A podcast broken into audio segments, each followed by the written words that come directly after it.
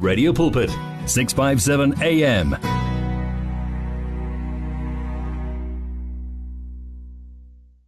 Nothing and no one ongamelana nami uma uJehova engakimi uyasho la usibu phoswa esifaka kulesi sigaba sokugcina njengoba selishayile elesine ihora 10 after 4 o'clock ungenile. Eh kwamanje ngiyakwamukela usekhaya awulahlekile.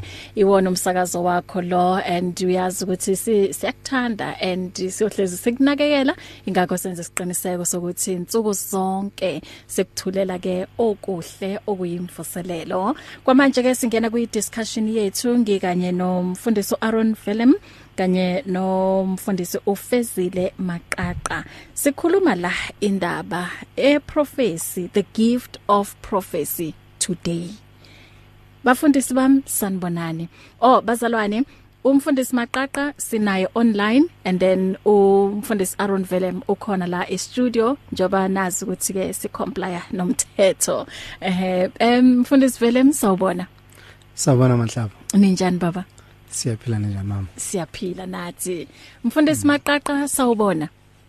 Eh manibulise eh sisinanhlapho na kuwe mfundisi uvela mapha studio nakubalaleli bonke ke be pulpit Amen. Amen. Siyabonga ukuthi ube nathi kule ntambama sizokhuluma la indaba mfundisi. Hey indaba ye prophecy ilethe i confusion kubantu abaningi. Eh kunabanye otholo mhlambe bayabuza ukuthi um kunezinto ezenzakalayo kuyena bese athi umuntu um ngabe lokhu kuchaza ukuthi ngingumprofiti yini? And abanye nje bagcine badidekile. Umuntu bese ke yena ngokwakhe uthi hayi um uNkulunkulu ukhulumile nami. I'm a I'm a prophet. Abantu nabagcine bambiza ngokuthi umprofeti. And siyabona ke kule insuku kuningi okwenzakalayo. Abantu bayalahleka ngenxa em yale prophecy le okuwukuthi igcwele nje yonke indawo. So asixoxeni bafundisi le ndaba. Um angiqale la um mfundisi Velem Yes ma'am. Uh ukuthi Okay kunombuzo la bewukhona ngifuna ukuthi siqale ngawo. Uh okay sizobuyela kuyona. Asikhulumeni ke ngale ndaba yanamuhla the gift of prophecy today? Um mangibingelela abalaleli be Radio Pulpit again. Um, let me say this, Manhlaba, before we start our, with mm. our topic. Um, let me send my condolences to the family kaMfundisi umkhondo nomama umkhondo. They are very close friends. They left us yesterday. They both died in a car accident. Oh, oh man. May their so, soul rest in peace. Yes. Mm. Um, going back to our topic today um I think we need to go back to basics. That's mm. that's number 1 because izinto zilahleka from basics. Yeah. We need to know ukuthi what is the biblical definition of i, i, i prophecy? Mm. because indaba ilahleke khona lapho. Mm. um i'm not sure but ngizonikela kumfundisi eh but according to my understanding i prophecy it is a message from god. That's number 1 mhm communicated to a human prophet. Mm. who who is supposed to be sharing it with the intended audience. Kusho ukuthi inabantu bayo iprofesi mm. that is supposed to be shared to. Uh sometimes you can get a prophecy yeah. that is intended for me. You can get a prophecy that is intended for the church. Mhm you can get a prophecy that is intended for the nation. Mhm prophecy it's it's it's uh, it's foretelling the future events. Izinto ezizokwenzeka I'm not sure if someone is telling me ukuthi inumber yami ku 072505 that is a prophecy I don't think that's a prophecy mm, mm. but but but today we hear izinto ezikanjalo yeah. Ngizo ngizo ngizothi before ngiqhubeke nginikeze kumfundisi umaqaqa before we we carry on as my senior naye azame ukuhlahla indlela mhm mfundisi yeah yeah uh ndiyabulela kutata uvele uze nayo kakuhle apha ekuqaleni Mhm. um nami ndizawuthi chu kule ndawo asenyathele kuyo in in trying ukuzama ukucacisa ukuthi ukuprofeta noma isiprofeto yini. Yes. Yeah um njengoba ku- ku- kukho isiprofeto then kubekho umprofeti Mm. then zombini lezi zinto zikho ngenxa kaThixo. Mhm. so uThixo uzenze zabakhona ngendaba ukuthi uThixo kukho lento ayenzayo ekuthiwa ukuguide abantu bakhe. Yes. Ukuba guide ngamanye amazwi ukubakhokhela endleleni kwi- kwimpilo yabo ya everyday abayiphila emhlabeni. Sebenzisa izinto ezintathu uThixo uma esenza lonto one usebenzisa iprayer kulabo who are, all, who are actually praying to him laba aba- abathandazayo already abakhulekayo kuye. Usebenzisa iprayer as one of the things of of the tools zokuguide abantu bakhe. Lapho ke umuntu ahlala phansi noNkulunkulu akhulume noNkulunkulu bese uNkulunkulu akhuluma back emntwini. Number 2 usebenzisa izwi the scriptures labo abafunda scriptures. Lapho uNkulunkulu asebenzisa izwi lakhe ukuhlahla indlela for abantu bakho ukuthi ekuphileni kwabo aba- abahambe kanjani then number 3 it's prophets prophet is one of the tools that uNkulunkulu kusebenzisa ukuguide abantu bakhe. Njengoba uAaron besatshilo umfundisi ukuthi um kuba isiprofeto somuntu bekho isiprofeto sebandla kukho nesiprofeto sesizwe. So bonke labantu kumele beguidiwe uNkulunkulu uNkulunkulu sebenzisa um ama tools are different to guide them afumanekayo kulabo bantu. So prophet is one of those tools that uNkulunkulu asebenzisa eh ukuguide abantu bakhe. So up- a prophet is someone who has been called by God ukunikeza i-guidance to the entire world. Angasenika mhlawumbe i-guidance to kwi-individual kumuntu oyedwa noma anikeze ebandleni but kulubizo lwakhe Mhm. ukuhambisa umyalezo uNkulunkulu aw- awuthethe ebantwini for a given time. Mhm. Now ngifuna ukuyela ke kule ndaba ubabuvele ayitachile ethi um isiprofeto sikhuluma ngezinto eh that are coming that uNkulunkulu want abantu bakho ukuthi bazazi so that bakwazi ukuhamba kahle so now um u- utatshe into ethi akayiboni eh i- ngokuphelele indaba ukuthi for example you come to me bese uyangitshela nga ngama ngama contact details ami. Um lapho ke yilento umanhlapho bekakhuluma ngayo ethi indaba eprofesi ize nokudideka okukhulu. Which is what we are trying to actually ukuzisa ilight kuyo Yeah. eh ku- ng- ngale show yanamhlanje and nezinye ke going forward kukhona indaba emfundisi wami namanhlapho ye ye ye ye- ye signs and wonders Yeah. noma ungafaka umiracle umuthanda then kubekho indaba ye prophecy Mhm. kumele ukuthi sikwazi uku- ukudweba iline lapho Mhm. ngoba uma usungitshela uma usungitshela ama contact details ami it's no longer prophecy Mhm. Now usunyathele kwiline engale iline ye science Mhm. isingathi mina ngithe kukhona ukuze ngibelieve lento ishoyo Yeah. ngini- nginika isign. Wabe sewuthi wena ke na isign I- awukazi unginikeza inamba yakho inamba yakho u08 whatever whatever. Mhm. akuyona iprocess leyo. It's a it's it's a sign. It's a one it's it's, it's a wonder. U- uzama ukuthi ungibonise ukuthi lento engiyenzayo ngempela ngempela it's not natural. Isuka kuNkulunkulu uqobo uzama ukuthi ngikholwe leli izwi lesiprofeto olilethe kimi. So you are running on the side of science. Yeah. manje ke la la- la ba- bakhona abantu abaye basidida ke ngayo bay bay bay bay bayimixa kwi kwi kwi prophet so i prophecy so sengathi umuntu uma engitshela ama bank account numbers ami nama nama contact details useya prophet Mhm. haya akaka prophet lo umuntu em ubonisa isign. Yilento uJesu ke wake wa wa wa wa wa- wa wakhathazeka ngayo kakhulu kuma Greek Mhm. eh es- eh na nakubafarisi eh, ekukhuluma nalesithi inkinga yeni yodwa nifuna isign isizukulwana esifuna isign kakhulu. Esingakholwayo uNkulunkulu akwenzayo until de sibone isign. Waze wathi ke egcineni blessed are those that will believe even before they have seen a sign. So sengathi ke baba umfundisi uvele mnathi ke siyileso sizukulwana esibaleke emva kwesign kakhulu. As a result kulula ukuthi sirobhe ke.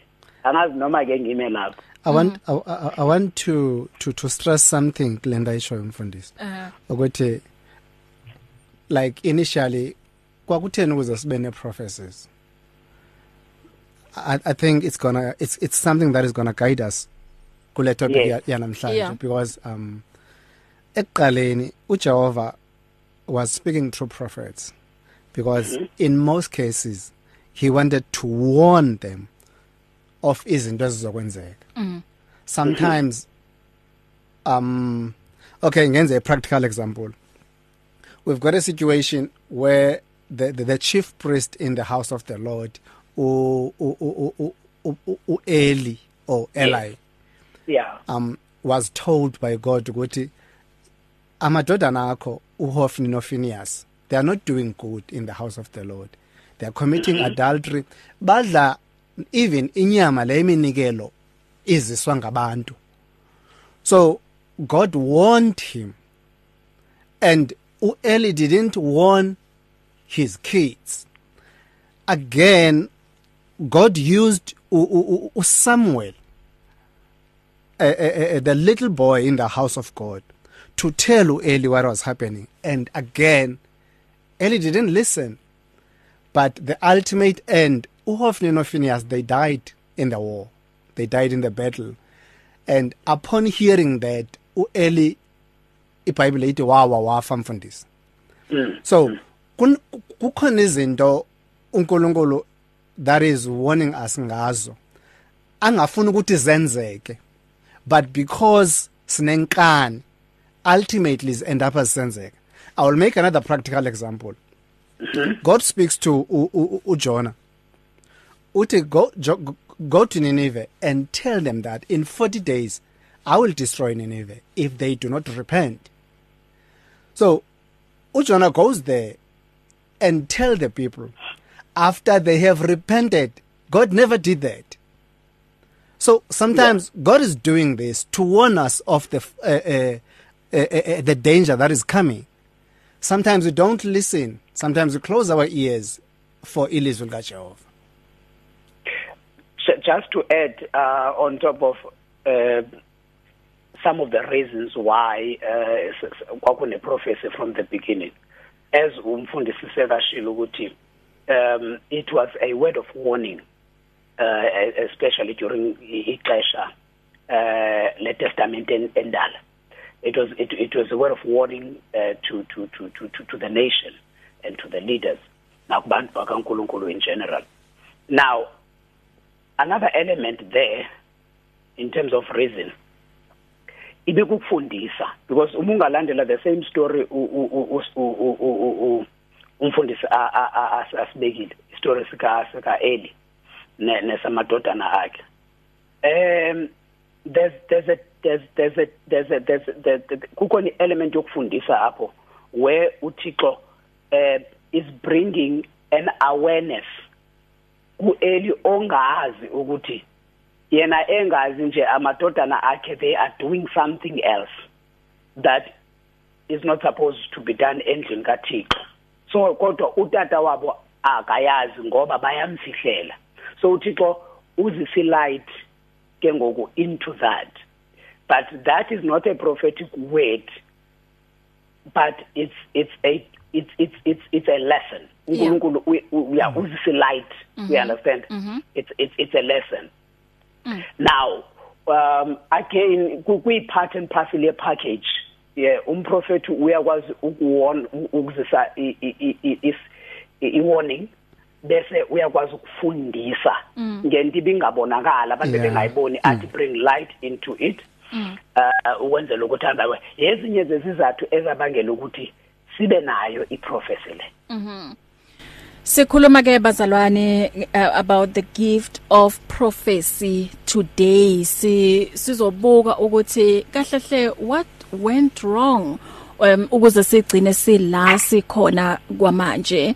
And um omunye ke mfundisi vele angabuza ukuthi okay um uma sibuka ku social media siyalalela ama radio kuyakhulunywa ikakhulukazi um mokukhulunywa ngama false prophets. And kukhulunywa ngama false prophets most of the time kanti who are the true prophets? Um i think mangithathe mfundisi. Yana that the, the there are true prophets. Mhm it's just that um abaprofeti abayinyani they are not drama queens if i have to put it that way. Yeah. They are not there to be seen. Mhm remember i'm not sure mfundisi maqaqa um kukhona the fivefold ministries. Mm. prophets are part of that. Mm, mm. and and and and and biblically i don't remember eh uh, eh uh, uh, kukhona abaprofeti abangabefundisi at the same time. Mhm but but but but now you, you everywhere else you you you you find ukuthi umanhlapho prophet Nhlapho is Yeah. leading a mega church and stuff people that are supposed to be part of the fivefold ministries Mm. abawela under this umbrella Mm. yomfundisi Mm. the reason we we we we we, don't have in one church where izinto where we, we get all the fivefold ministries ngendlela kwakufanele kungayo in the beginning is because abantu they have taken that number 2 um isiprofeto eh eh I, I understand abantu abaningi they have been abused. Ngendlela yokuthi eh eh eh, eh abefundisi they know their weaknesses or mm. let me say those fake prophets. Yeah. They know their their, their weaknesses. A practical example we are from a pandemic which is a, a, a, a coronavirus. People are hungry people don't have money. Those are the things that people use the fake pastors they tap into your emotions. And bayazi ukuthi when they tap into your emotions you're going to believe that. And uh, uh, prophecies don't use your emotions. So bayazi ukuthi uma usebenza ama emotions automatically abantu they will believe because they are hurt. So it's easy for them ukuthi eh eh badlale ngabo kanye baba baba babaxelela into ezingekho. So um kusho ukuthi kumele siqaphele lapho. If like kunalobukhazi khazi obuzovezwa ko social media umuntu uzoveza ukuthi unezimoto ezingaka unezindlu ezingaka uzoveza ama ama ama suit expensive and all those things. Um ngezinye zezinto asisho ukuthi yes definitely. Kodwa ngezinye izinto kumele siziqaphele ukuthi if kunalokho kungenzeka ukuthi ku ayikho into eyiqiniso lana. Ma ma ngicela ukungena manhlapho la. Aha. Um as as asho umfundisi ngiyayithanda le ndlela abeka ngayo ye ye ye drama queen mhm ngoba uma ungabheka kahle some of, uh, some of the reason why do we have prophets angithi sikhulumile ukuthi why do we have prophecy yes yeah uma ungabheka one of the reasons why do we have prophets mm. um it is because uNkulunkulu uyazi ukuthi i i i i i goal yakhe ngathi ukuthi we must be better people. That we become better people return to him. Yes. And sense izinto yena uNkulunkulu afuna ukuthi sizenze esingazo silimaza right? So uma esebenzisa eh prof, prophets as one of the of of the tools to guide us ekubeni becoming better people ne? And returning to him. Lonto isho ukuthi eh imission ye prophet is is is is is is not is not about self it is about la labathunywe kubo hayi Mhm. about him it is never about him Mhm. so he's not a prophet for himself Yeah. but he is a prophet to the people Mm. Ngamanye amazwi ke akekho akwenzayo in prophetic ministry ekwenzela yena. Mhm. konke akwenzayo ukwenzela abantu. Mm. ngoba uthunyiwe ukuthi akakwenze. The intended audience. Yes the intended audience. Uthinyu uthunyiwe ukuthi akakwenze. Now uma enza too much ezama ukuba too believable is no longer about umyalezo Mhm. awuthunyiwe and is no longer about abantu athunye kubo Mm. but it is about i-ego yakhe ne-reputation yakhe of being a prophet Mm. then kulapho ingozi khona ke because uma iprofet iprofetela yona iprofetela iself gain sizothola ke lobukhazikhazi wena manhlapho okhulume ngabo Mhm. ngoba iprofeti ay ay ay ay ayisebenzi ayisebenzi ayisebenzeli imiyalezo okanye ayisebenzi ngomyalezo ewunikiwe Mm. and ayisebenzi ngabantu ethunywe kubo kodwa isebenza ngeego yayo and ne self promotion Mm. inkinga ke leyo Yeah. So kusho ukuthi i- inkinga ila ukuthi manje ufuna ukuprove ukuthi you know what I'm a true prophet and bona uNkulunkulu mina ungenzelani but u- umuntu asuka abuke izinto eziphathekayo like ufuna ukuimpressa ngezinto eziphathekayo ukuthi you know um g- God is working um God mina uyangiblessa so if angakwazi ukuthi angiblessa ngalendlela nawe angakwazi ukukublessa um um Eh, um okay, okay ithi ku- kuna scripture esiku Revelations 13 verse 11 mm. the the scripture talks about the second beast coming out of the earth that had two horns. And the bible says it the, the beast is like a lamb Mm. but speaks like a dragon. Sure. So the beast represents the mighty person or the nation mm. that appears like a sheep. Biblically a sheep rep, uh, uh, represents meekness and loyalty. So remember there's this beast that looks like someone who's meek and loyal. But the bible says again ultimately its evil will be revealed as the beast open its mouth. Because whatever that it speaks it shows that it is a beast. Mm. angabonakala like a, a, a, a, loyal person or njengemfu yeah. But at the end of the day whatever that he says listen to what he says. Yeah. Then you will know that this person is a beast hmm. So ibuyela eh, ezwini lapho ithi nizobazi ngezithelo yes. Wow. Um 1633 indaba ime ime kanjalo bazalwane. Uma ke mhlawumbe uthanda uthanda ukufaka uvo lwakho nawe kule ndaba noma unemibuzo uthanda ukuyibhekisa kubafundisi ithi ke um senze kanje sindlule ngala and then uma sibuya ngiyayithatha incingo ku 012 334 1322 kodwa ngicela ukuthi before ngiyakuzona ngenze kanje Many people across South Africa are being blessed and encouraged by the Radio Pulpit devotional magazine, The Word for Today. This publication places the gospel of Jesus Christ in the hands of more than 100,000 people every day, inspiring every person, from the professional businessman to the needy person who lives on the streets. Each edition contains daily scripture based devotionals and inspiring articles to help you grow spiritually. The booklet is given with the compliments of Radio Pulpit, but your donation, large or small, will help us to print the next edition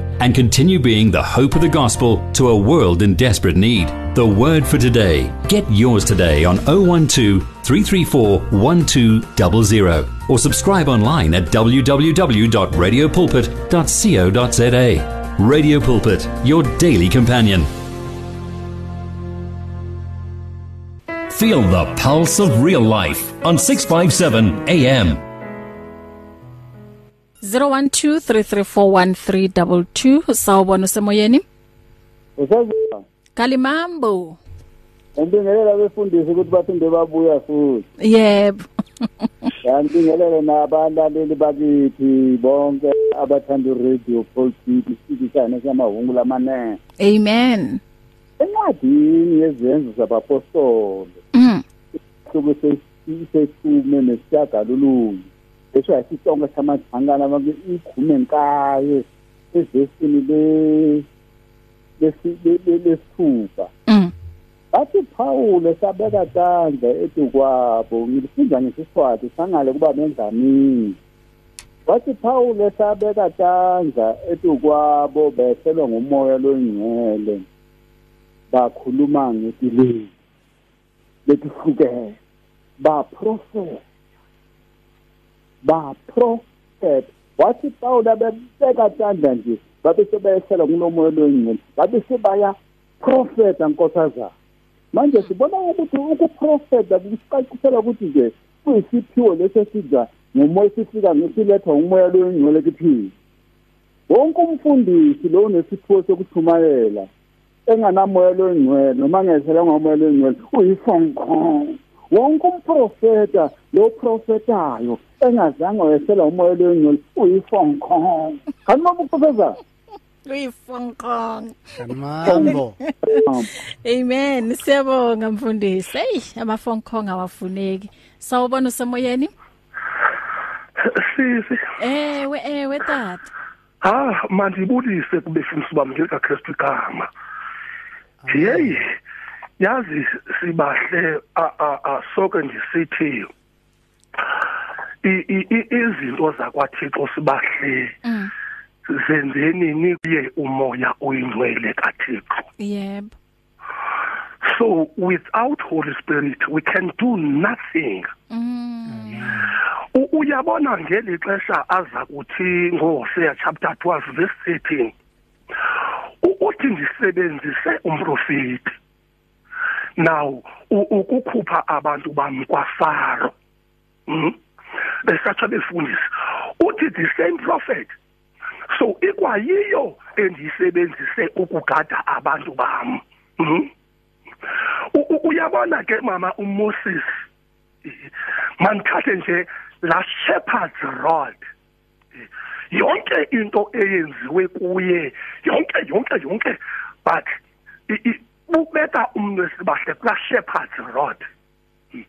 Kuba yayiyiyo eyayiqulethe pha imimangaliso. Power of god was in that shepherd's rod. Now esithi ngonamhlanje ngumoya oyingcwele. Mama egqibeleni uyabona iDeuteronomy chapter 28 from verse 15 to verse 68 nansa phaya bathi abefundisa ukuthi uThixo uprofetile phaya ngumprofeti ukuba ukuba anindlaleli i will do this eh? So ukuzofika ilishwa uma umzekelo anindihloniphi kuzofika ilishwa lento that means iye yathethwa then ingekenzeki. Ukuba yibhaso pheleni i will send icorona eh?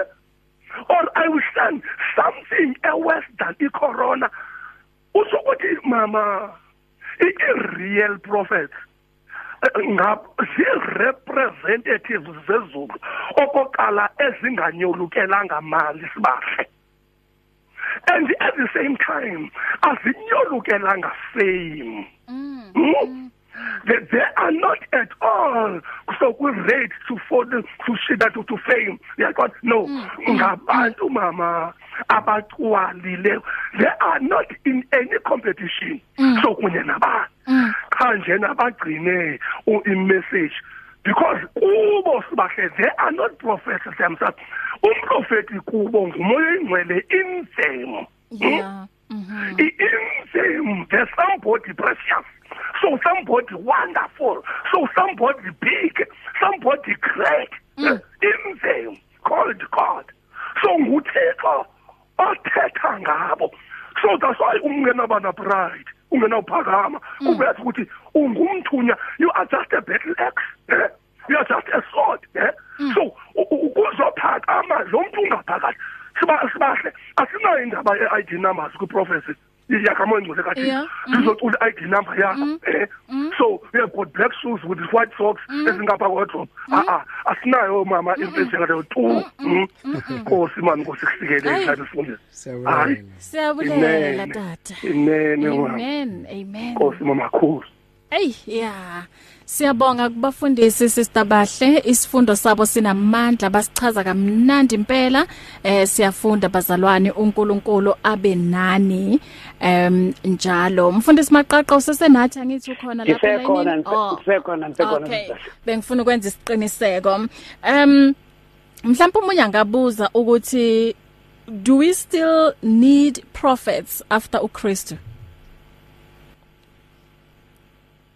Eh im- impendulo emfutshane sisibahle it will be yes. Mhm because khumbula kaloku siye sathi eh umprofeti ulapha to guide us.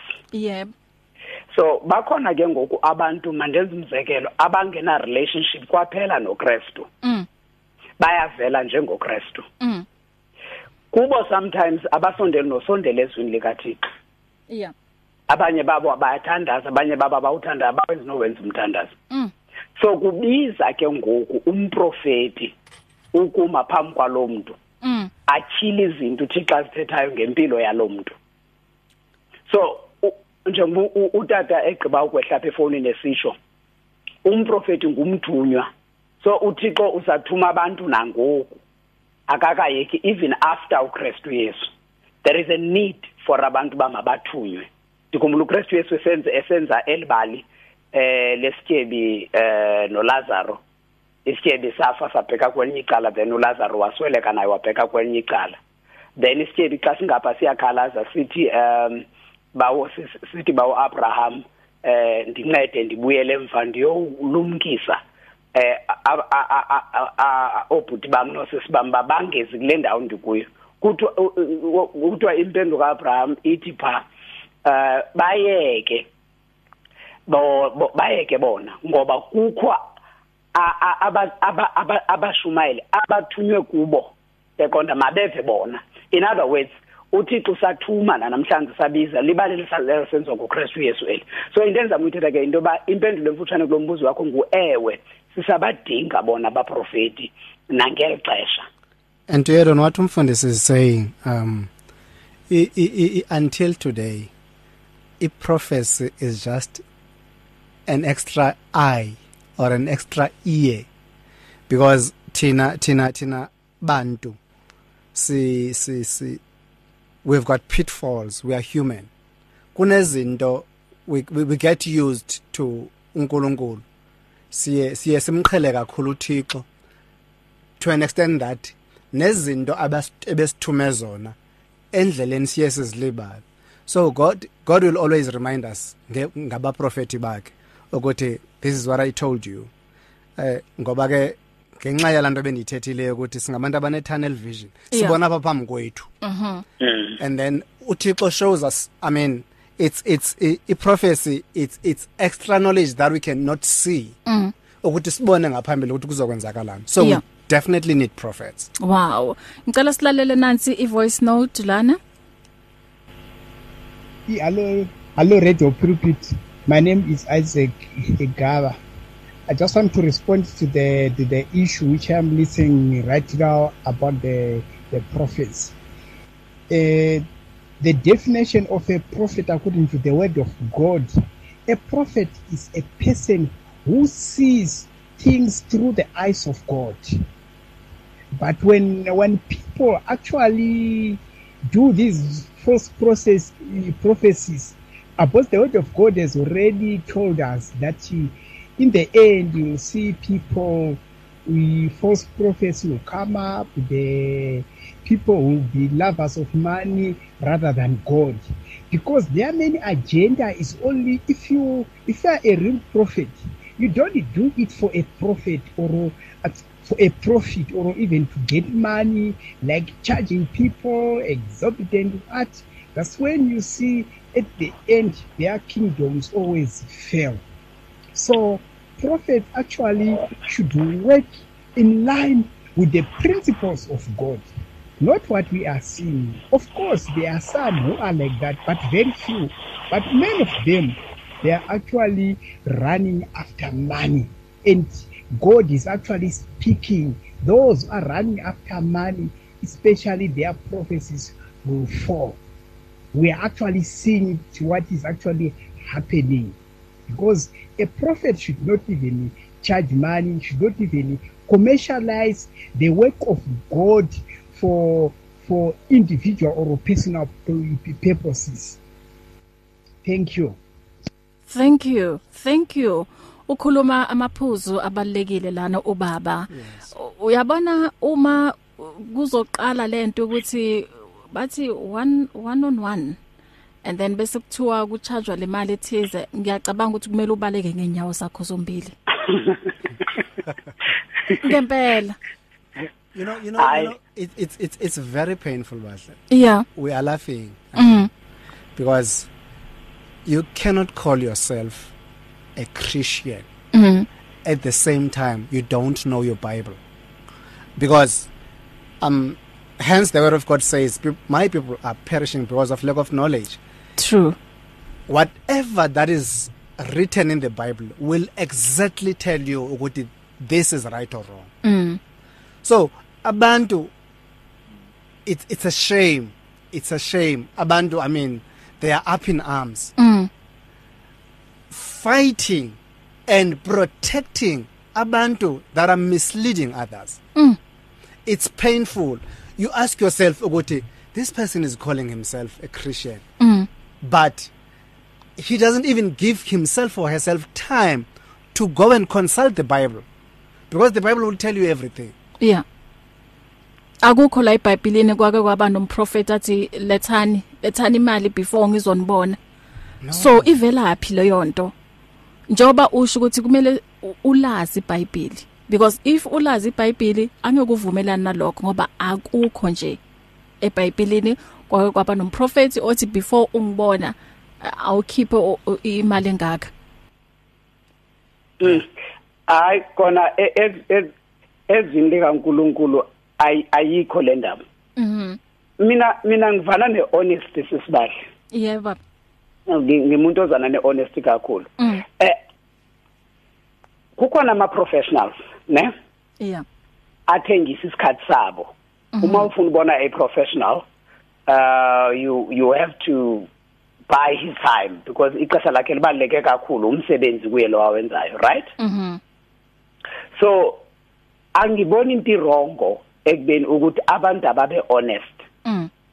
Umuntu akathi isikhathi sami i'm selling it mm -hmm. if you Mhm. come ukuthi uzongibona fonela ioffice lami bese Mhm. wenza appointment lona ioffice lami lizokucharge ngesikhathi sami lizokutshela ukuthi if we are going to spend an hour mina nawe then ngiyakucharge ngikucharge isikhathi esingisichitha nawe ngoba kum this is a profession abantu ababe honest le ndaba ka ka ka ka ka ka ka ka ka prophecy for a dollar or prophecy for a rand a- a- a- ayikho ezweni lenkosi mhm. So ngivumelana nawe ke kulento oyisho emanhlapho ukuthi ayibonakala ezweni ayikho nje. Mhm. Yebo abantu abavele babe honest basho nje phandle ukuthi eh hayi mina ngicharge ngesikhathi sami. So uma Yeah. ufuna ungibona then uzobhadalela isikhathi lesi engikubona ngaso. Aha. then abantu bathi beza kwa ayazi ukuthi ubhadalela isikhathi. Mhm. lesakubona ngaso. Yazeke leyo nto phatha Mm. 0123341322 zisavuliwe incingo uma uthanda ukuphawula noma ke usesenombuzo eh ngalendaba ye prophecy njoba sibuka la the gift of prophecy today.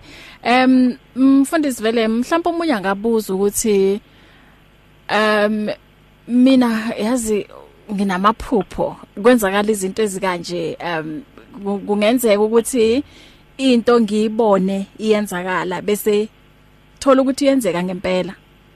Ngabe kuchaza ukuthi I'm a prophet? Eh kulayo point i used to have a problem. I used to have a problem because um biblically one number number 1 if someone of your age or mm. if someone of my age unamaphupho mm then i've got a problem with that Mm. because the bible says uh old men will dream dreams Mhm. young men and women will see visions Mm. you know so ukuzolala uzophuphe umncane kangaka bekutheni uJehova angakubonisa ivision Mhm. because God is supposed to be. I'm I'm not sure if I'm wrong mfundisi maqaqa you you uyangilungisa if I'm wrong. Ah okay ngizongena uma ngizoqeda ukukhuluma. so so there's nothing wrong. You know there was a time where that thing bothered me and i asked the lord ukuthi why is it you get someone who stands in front of the church ayofakaza ukuthi i have dreamt about this. I have dreamt about this. And then yeah kwenzakala. Mm. when i asked the spirit of the lord about this god said to me nowadays people are so busy they don't listen to me. Mm. the only time that i can speak to them is in their peace when they are asleep. So it means it it means when when god speaks to you as a young person on your sleep it means you couldn't listen to god speaking to you during the day. So he can only speak to you when you are asleep. Ngiyakuzwa That's that, that that is a that is a that is a powerful powerful uh, encounter right there ubaba uvele emakhuluma ngayo between yena noNkulunkulu. yeah But ke bengifuna nami ukungena ke try ukuphendula lo mbuzo walomuntu ne. Angithi i-question yalomuntu ithi eh if I have dreams yeah and they do come true. Mhm. omunye ngi- uthi ngi- ngiyabona into i- i- ngiyayibona ngihlezi Yebo. and then um bese ke iyenzeka leyo nto. Omu- omunye athi angizange ngisho mara ngiyibonile or siyenze example umuntu athi ngibona usibanibani abaku car accident. And then maybe after few hours or after few minutes bese uthola umyalezo ukuthi the same person athi umbonile e- e- eku accident it happened ngempela. Ngicela before before umfundisi umaqaqa iphendule ne? Mm. and that it, it is something that I always emphasize. If God is showing you something that doesn't mean that you are a prophet. God can show anyone anything. And in most cases when God shows you that he has given you the power to stop that from happening. It is not for you to tell everybody ukuthi hey in a, in a car accident. Mm. because the, the minute God exposes it iphelelwa ngamandla yokwenzeka especially if it's some- if it is something eyingozi ungaqhubeka mfundisi Oh all right. Yeah, okay. Bengifuna ukuphendula ke bahle kubo bobabili labantu, ne? aha Angithi babuvela mbeka kakhuluma lapha nge fivefold mini- ministry, right? yep Abapostile, prophets, evangelists, pastors and teachers, Teachers. right? Now, um le le le, le- le question ibuzwa laba bantu i- it's very deep. Mm. and it's always tricky to answer it in like nge- nge- ngempendulo eyodwa eh, eh, one single dimensional answer eh, eh, eh, eh, iya- iyaxaka. Ehhe. kodwa ke mang- mangizame ukuyiphendula ngolhlobo uyabona njengokuthi sina fivefold ministries kukhona aba abapostela abaprofeti abevangelists abopastor nabothisha. It does not mean ukuthi uthisha angeke abe nayo eh, i-gift of pastoring noma Yes. u- upastor angeke abe nayo i-gift of teaching. But kukhona i-gift ezoba dominant lapha kuye kuye le i- ekuyi ek- ekubizo lwakhe. Mhm angazi nokuthi uyangithola na? Ngiyakuzwa. Mhm uzothola ukuthi upastor is a teacher and uh, he due to umsebenzi awenzile eh he he's a, he's an, an an apostle uh usesebenze kakhulu is an apostle. Then eh u- u- u- he's an evangelist. We understand that u- u- u- u- u- une unomoya ostrong wo- wokuvangela. He's an evangelist. But ukwalusa is the most dominant gift being a pastor mm. is the most dominant dominant gift. Kulama gift anawo. We understand? Mm -hmm. then kubizo lwakhe lolo.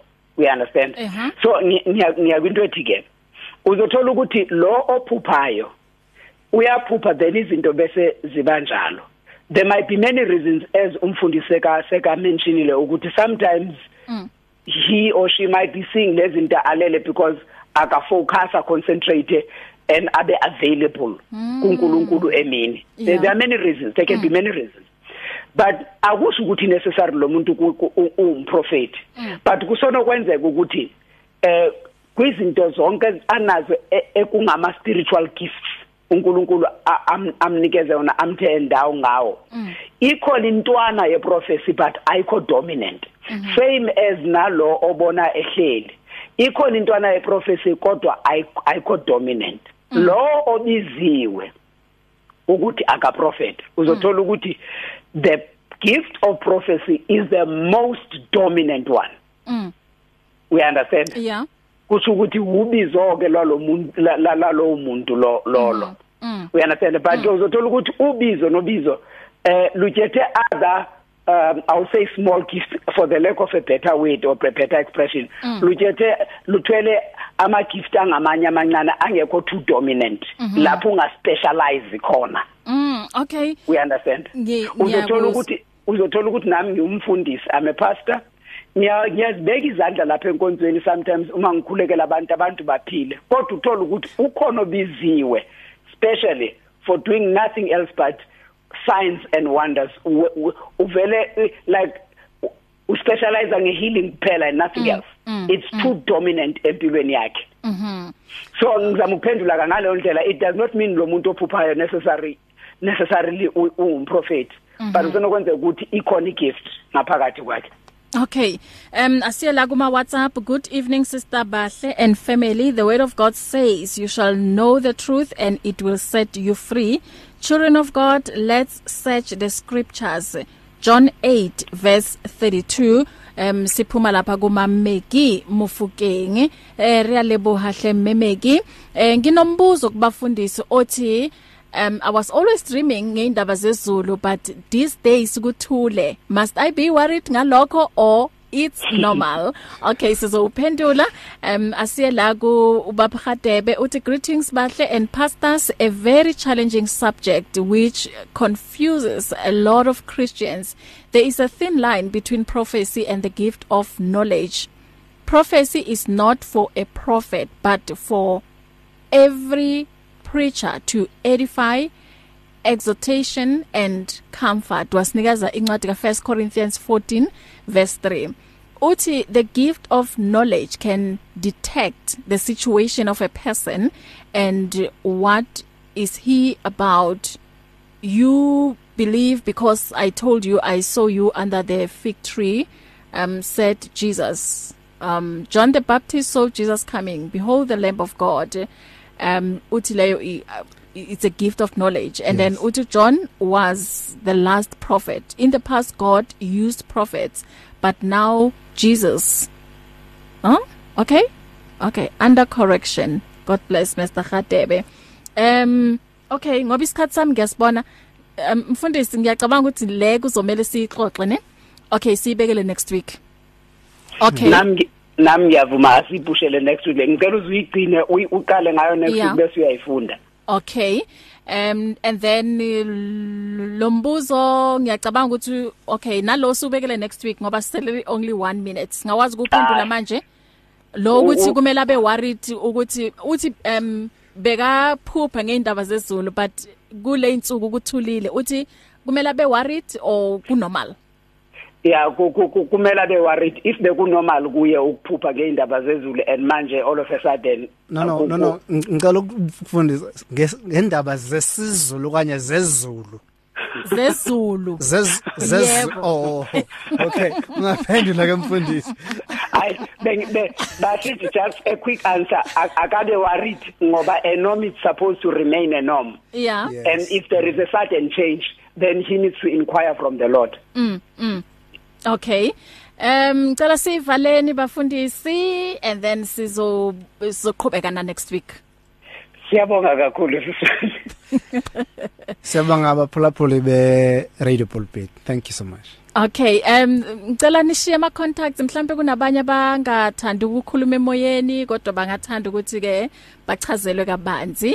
Niyatholakala ngithi mfundisi? Ya mina ku ku ku ku ku Facebook abantu bangangithola uFezile Maqaqa noma Reverend Fezile Maqaqa bazongithola lapho ku Facebook. Bangangifakela ki message on the site lapha ku Messenger ku Facebook. Ah uh, yeah singatholana lapho. Okay. Um Fundis Willem eh ku Facebook nakuwo wonke amakhasi onxibelelwano nguAaron Velem. So as umfundisi has said you can get me on on inbox. Mhm then we can communicate okay Thank you so much. Um ngicela ukuthi uma unombuzo noma une comment uyibekele next week and then sizoqhubeka ngayo le ndaba nasevikini elizayo.